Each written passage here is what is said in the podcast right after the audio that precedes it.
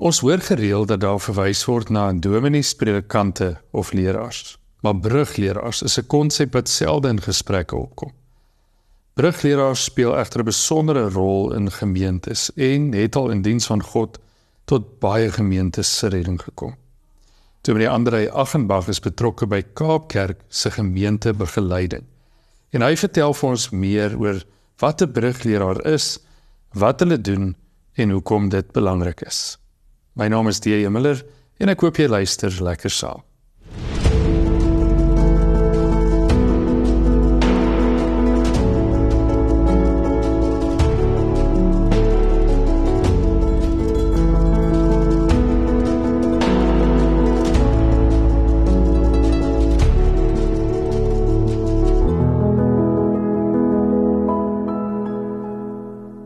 Andrei, baie dankie vir jou tyd om vandag bietjie met ons te gesels oor oor hierdie konsep van brugleraarskap. Ek wil sommer vir jou vra in die begin voordat iemand nou regtig sou vra wat se ding is 'n brugleraar? Help ons bietjie met dit. Wat is 'n brugleraar of hoekom is hulle nodig in 'n gemeente? Die dankie vir die geleentheid om met dit te gesels. Ek is baie opgewonde oor brugbediening en ek dink dit maak regtig 'n wonderlike positiewe impak op ons gemeentes in die Wes-Kaap maar ook in die res van die land.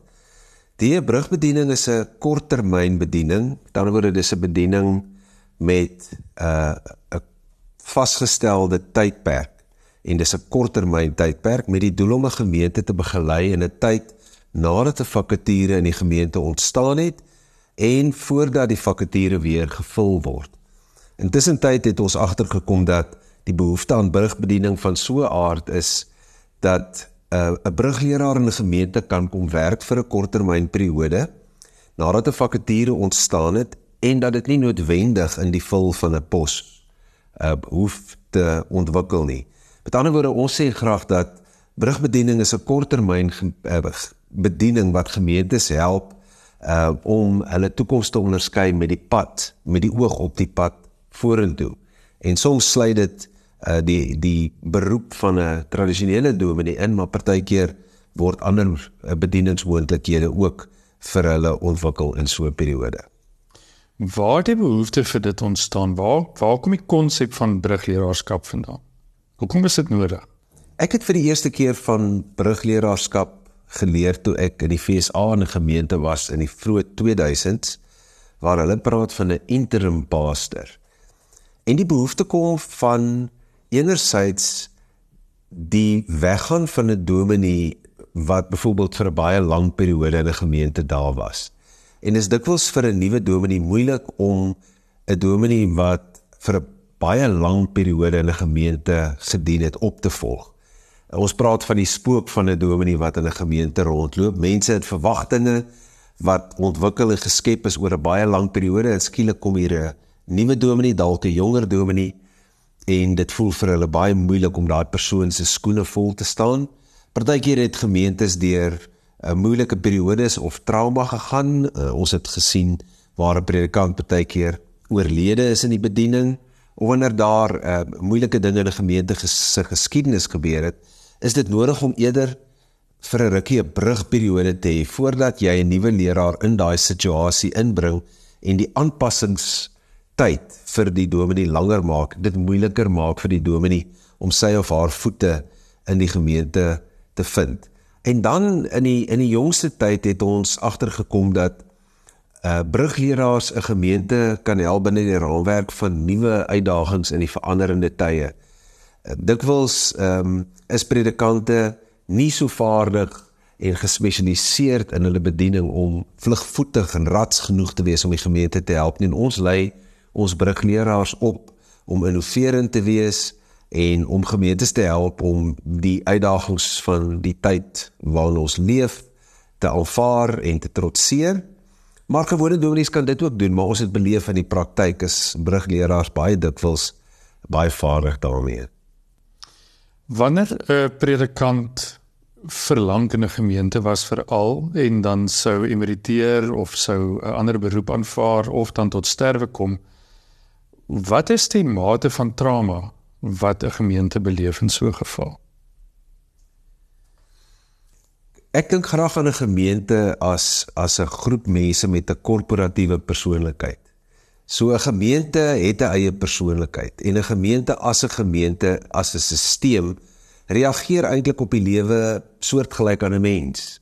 Daaroor 'n mens wat in 'n motorongeluk was, is na die tyd getraumatiseer. Jy is geskok, jy's ontsteld, jy het 'n verlieservaring en dieselfde geld vir 'n groot groep mense want 'n gemeente ontwikkel mos 'n persoonlikheid. 'n Gemeente het 'n kultuur of 'n vingerafdruk En dieselfde ding wat geld met 'n familielid wat iemand anders aan die dood afstaan of iemand wat siek is, dieselfde impak wat dit op 'n huisgesin maak en op die stelsel gebeur ook in 'n gemeente. Ehm um, wanneer 'n uh, 'n predikant byvoorbeeld ehm um, 'n gemeente verlaat na 'n lang tyd, is 'n gemeente se verwagtinge en gewoontes reeds gevorm. Dis soos ons dinge hier doen en ons verwag van die volgende predikant om dieselfde te doen dan daag die volgende predikant op. Die volgende predikant is in 'n ander era opgelei, op 'n ander manier, het ander bedieningsprioriteite, het ander gawes en talente en het dikwels dan nou of het soms nie die gawes wat die dominee het wat sê nou wat 20 of 26 jaar daar was nie. Hy kan nie voldoen aan die verwagtinge nie. Dan voel die predikant dalk minderwaardig, die gemeente voel te nagekom en teleurgesteld en mense mag dalk onder mekaar praat, die predikant mag bewus sal meer as dit wels daarvan, sal maar altyd daarvan bewus word en dit plaas die verhouding tussen die predikant en ook die kerkraad onder druk. Kerkraadslede sal dit wels in so 'n situasie deur gemeentelede gevra word om te praat met die dominee want hulle voel hy doen nie sy werk nie. En dan is dit nodig vir 'n gemeente om op 'n nuwe manier te praat oor wat is 'n gemeente? Hoe kyk ons na die toekoms? Hoe sien ons die toekoms saam met 'n nuwe leraar of dalk sonder 'n leraar wat ons kry al hoe meer die dat gemeentes nie die vermoë het om 'n voltydse predikant aan te stel nie. Dan gaan hulle miskien vir 'n vastermyn pos of ons kry deesdae al hoe meer diensleraars. Gemeentes gaan miskien in 'n kombinasie in met ander gemeentes deel 'n predikant. Ons is op hierdie oomblik in gesprek met 'n paar gemeentes wat in kombinasie met mekaar sal gaan. 'n kombinasie as twee gemeentes in 'n kombinasie gaan beteken dit dat die twee gemeentes apart bly, elkeen het 'n eie begroting, eie bediening. Hulle meng niks met mekaar nie behalwe hulle deel 'n predikant en dit maak dit vir hulle finansiëel meer volhoubaar. Nou 'n brugleraar is iemand wat opgelei is om saam met 'n gemeente te te ontdek en te onderskei, bidend te onderskei van die Here dat miskien is dit nie vir ons se tyd Miskien kan ons nie nou weer voltydse predikant beroep nie. Kom ons kyk na die gemeente langs aan. Hier's gemeentes in die Kaap wat 1 km van mekaar af is. En dis eintlik vir hulle baie maklik en baie moontlik om 'n uh, voltydse predikant te deel, maar daar's verskeie ander moontlikhede. Ek is seker of van in in jou bediening en jou betrokkeheid hierby het jy al ongelooflike dinge beleef en en stories gehoor en stories gesien uitspeel uh, rondom brugleraarskap. Wil jy nie met ons so een of twee verhale kortliks deel van wat jy al beleef het nie? Hier is 'n gemeente in die Kaap wat in so oorgangstyd was. Die predikant is weg en daar's 'n vakature gewees, maar daar was uh probleme in die gemeente rondom uh personeel en dit het uh gelê op die vlak van uh, 'n professionele goed, dit het gegaan oor werkskontrakte, dit het gegaan oor dienskontrakte en dit moes uitgesorteer het, uitgesorteer word. Daar was ook verhoudingsprobleme en spanning tussen van die personeel en gemeentelede. En toe kon ons 'n brugleraar nomineer wat eintlik lewenslank in die korporatiewe wêreld was en eintlik eers hier uh, rondom die ouderdom van 50 teologie gaan studeer het dalk selfs 'n bietjie vroeër en eintlik net 10 jaar in die bediening, gewone bediening was die res van sy loopbaan was hy in die korporatiewe wêreld en hy het met personeel en arbeids sake gewerk. So toe kon die gemeente 'n dominee beroep wat vreeslik bekwam en vaardig is met personeel en met dienskontrakte, al daai tegniese goed en hy kon die gemeente help om voordat die volgende dominee kom 'n hele klomp probleme op te los sodat die dominee wat kom nou nie 'n dubbele las het nie. As jy nie in 'n gemeente aankom en ek weet presies hoe dit voel, dan is die grootste uitdaging reeds om die mense te leer ken, om net te leer hoe werk dit in die gemeente. Want eh, 'n uh, dominee moenie in 'n gemeente aankom en onmiddellik dinge begin verander nie. Dan plaas dit die verhouding onder druk. Die dominee wil eers kom luister en kom leer. En as die dominee in 'n gemeente kom en die eerste ding op sy agenda is probleme rondom verhoudings tussen personeellede onder mekaar en of die gemeente, probleme met dienskontrakte, mense wat dalk uit diens gestel moet word, wat 'n baie sensitiewe en 'n moeilike proses is. Toe kon hierdie brugleraar inkom met al sy ondervinding en hy kon al daai moeilike goed hanteer en uitsorteer oor 'n periode van 9 maande na 'n jaar en ons moet nou gesels oor die termyn ook waar volgens 'n brugpredikant aangestel word. Maar rondom 9 maande het dit hom geneem om daai goeters alles baie mooi netjies te hanteer. En toe die volgende dominee beroep is, het hy beweeg in 'n stelsel in waar hy kon fokus op die dinge waarvoor hy opgelei is en wat sy roeping is. Dis een baie mooi verhaal. Dankie. Sê vir my ehm um, 'n brugleraar is vir 'n bepaalde termyn in 'n gemeente aangestel met 'n spesifieke taak. Ehm um, hoe lyk so 'n termyn en hoe kry 'n brugleraar dit reg om in daai tyd, daai termyn jy so effektief of suksesvol te wees? So dis soos ek in die begin gesê het, 'n uh, brugbediening is 'n korttermyn bediening. Ehm um, en dit is gelegitimeerde predikante wat kwalifiseer en ook in die Wes-Kaap predikante wat opgelei is in ons brugkursus wat ons aanbied om te kwalifiseer daarvoor.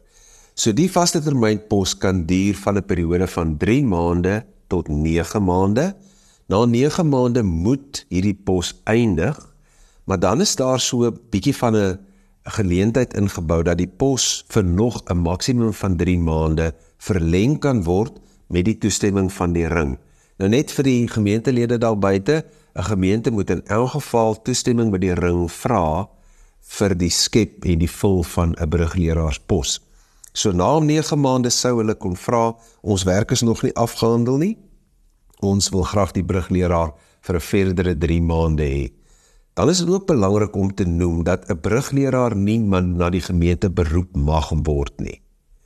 In die ou dae toe die brugleraar of brugbedienings uh, brugbediening nog nie so goed uitgewerk het nie, het dit gebeur dat predikante as brugleraars na gemeentes gaan en dat hulle dan daarna beroep word omdat die gemeente vir hulle liefraak en so van, van hulle hou en omdat hulle so bekwam is. Maar die ondervinding het geleer ook in die FSA waar ek dit uh, leer ken het dat 'n brugleraar sy of haar werk beter kan doen indien daar nie vir hulle 'n volhoubare toekoms in die gemeente is nie. Met ander woorde, daar's 'n soort objektiviteit. Ek is nie nou besig om die bediening rondom myself te bou nie ek het ook die vryheid, die vrymoedigheid om dalk 'n bietjie sterker rig rigting te gee as 'n gewone dominee. Gewone dominee in 'n gemeente is mos nou sensitief. Jy wil nie te vinnig beweeg nie. Dis dalk nie maklik of moontlik vir jou om jou vinger regtig op die moeilike goed te sit nie. Nou as 'n brugleraar nie beroep kan word nie in wat in ons geval die geval is in Suid-Afrika, dan kan daai brugleraar so 'n bietjie meer aan die grense druk. En is die brugleraar so 'n bietjie meer ehm um, objektief. Dan 'n laaste uh antwoord op iets wat jy gevra het. Ons lei die brugleraars op. Dit is uh oor 2 jaar wat dit geskied. Daar is 'n module van 3 jaar in die eerste jaar, daar's 'n module van 3 dae in die tweede jaar. Dis soos ons dit hier in die Weskaap doen. Partykeer val dit ook in dieselfde jaar, maar die punt is dis twee modules van 3 volle dae elk. Ons is besig om te werk aan die brugkursus. Dit sal 'n bietjie verander in die toekoms, maar ons lei ons brugpredikante spesifiek op vir die situasie wat hulle mag aantref. Nou soos jy weet, die in die Weskaap is ons baie sterk verbind tot missionale kerkwees. So ons lei ons brugleraars ook op om gemeentes te help om baie bewus te wees van die konteks, die omgewing, die gemeenskap waarbinne hulle geplaas is en wat die uitdagings in daai gemeenskap is wat raak gesien kan word en wat benut kan word om die koninkryk van God uit te brei. As jy sou vra 'n bietjie wat uh, wat van die elemente van die opleidingskursus is, dan sou ek sê die heel eerste ding wat ons vir brugleraars leer is om wanneer hulle gemeente aankom diep te luister. om daai gemeenskap diep te leer ken voordat hulle 'n gemeente help om vorentoe te gaan. So hulle sal altyd met 'n leierskapsgroep in die gemeente of die kerkraad werk, baie spesifiek met hulle en hulle sal diep luister na die identiteit van die gemeente. Daar's allerlei instrumente wat ons gebruik soos 'n storiemuur wat die gemeente die kans gee om hulle storie te vertel want wie jy is is altyd uh, jou storie maak 'n baie groot deel op van wie jy is. Daar's ander instrumente waar mense bietjie fyn en wetenskaplik kies om te luister na stemme in die gemeente om te hoor hoe voel hulle regtig oor verskillende goed en daar's ander instrumente. Dan sal 'n brugleraar ook 'n kerkraad help om diep te luister na die gemeenskap want elke gemeente is uniek, maar elke gemeente is in 'n unieke konteks of gemeenskap geplaas en daarom is elke gemeente se roeping 'n bietjie anders of baie keer baie anders. Ons het gemeentes in die middestad, soos julle nou weet, in die voorstede, ons het gemeentes in welafgebiede en armer gebiede, gemeentes uh op die platteland, gemeentes wat baie spesifiek in plaasgemeenskappe ge, geplaas is. En elke gemeente is anders. En daarom help 'n brugleraar 'n gemeente in terme van hulle eie uh persoonlikheid, van hulle eie omstandighede. Um 'n brugleraar sal nie 'n gemeente help om te vra hoe ons die bediening gaan herontwerp nie. So hulle wil eintlik dit wils kom by die die verste wat hulle wil kom is om te vra wie is ons as gemeente? Hoe lyk ons gemeenskap? Wat is ons roeping en wat is van die prioriteite wat ons moet in ag neem wat die Here op ons hart lê met die oog op die toekoms?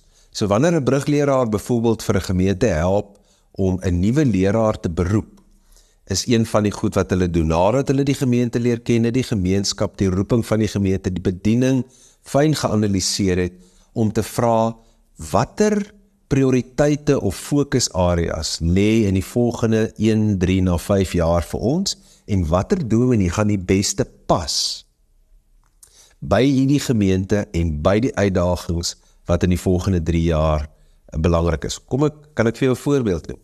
Daar's 'n voorstedelike gemeente hier in die Kaap en hulle wou nadat daar vakature ontstaan het 'n nuwe dominee beroep.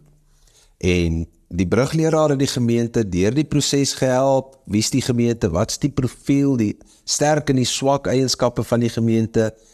En die brugleraar het gehelp om te kyk na die gemeenskap, wat gaan in die omgewing aan, is daar skole, maak dit toe, gaan dit oop, wat gebeur?